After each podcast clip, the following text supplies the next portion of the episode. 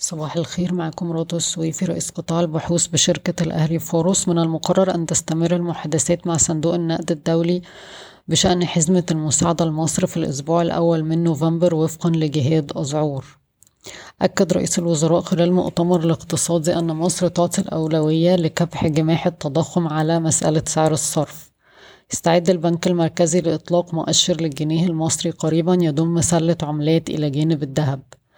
يعمل البنك المركزي المصري على إطلاق أدوات تحوط للعملة المصرية بعد استكمال العقود الآجلة.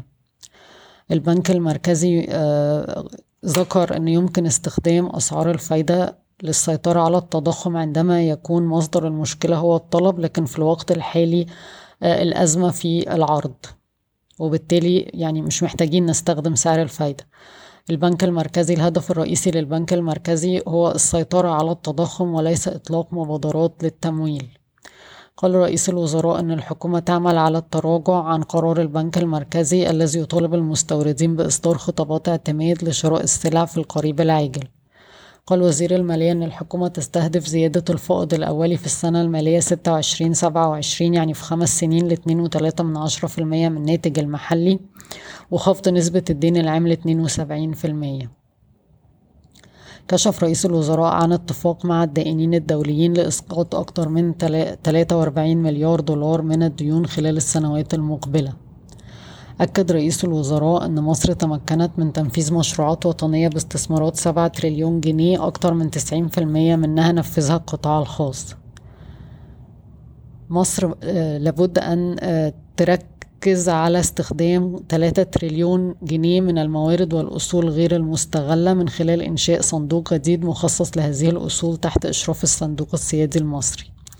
دعا هاني بيرزي آه، رئيس المجلس التصديري للصناعات الغذائية لاستمرار مبادرة البنك المركزي لتمويل القطاع الصناعي بفايدة 8% لدفع عجلة الإنتاج حتى لو تم تغيير سعر الصرف.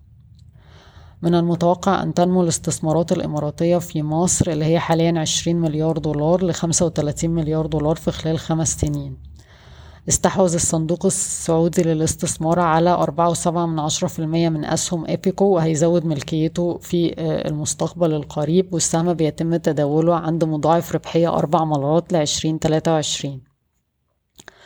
وقعت ابن سينا اتفاقية لتصبح الموزع الرئيسي ل Omron Healthcare آه، في الصيدليات والمتاجر الطبية. IDH بتدرس التوسع في الدول الأفريقية والأسيوية وفقا للصحف المحلية.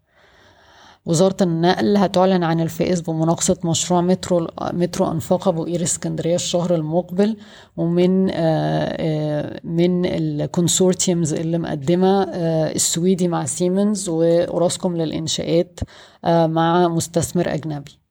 رفضت السعودية من أو أنا أسفة نفت شركة السويدي حصولها على قرض مشترك بقيمة خمسة مليار جنيه لسبع شركات تابعة الماحة كابيتال الزراعة الاستثماري لجهاز قطر للاستثمار مهتم بزيادة.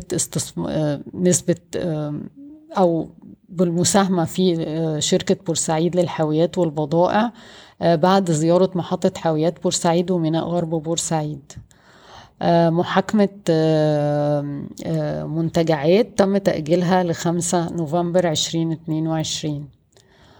آه، مصر الكيماويات MICH أصدرت نتائج الربع الأول من العام المالي اتنين وعشرين تلاتة وعشرين بأرباح مية وأربعة مليون جنيه تقريبا ثابتة من الربع اللي فات وزايدة طبعا ضعف السنة اللي فاتت عشان الأسعار والسهم بيتم تداوله عند مضاعف ربحية لواحد وعشرين اتنين وعشرين خمس مرات.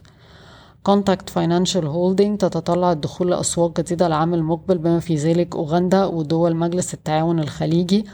آه، كما بتخطط الشركة لإطلاق تمويل أخضر لتغطية آه، مشروعات محطات الطاقة الشمسية وأنظمة الري الحديث. بشكركم ويوم سعيد.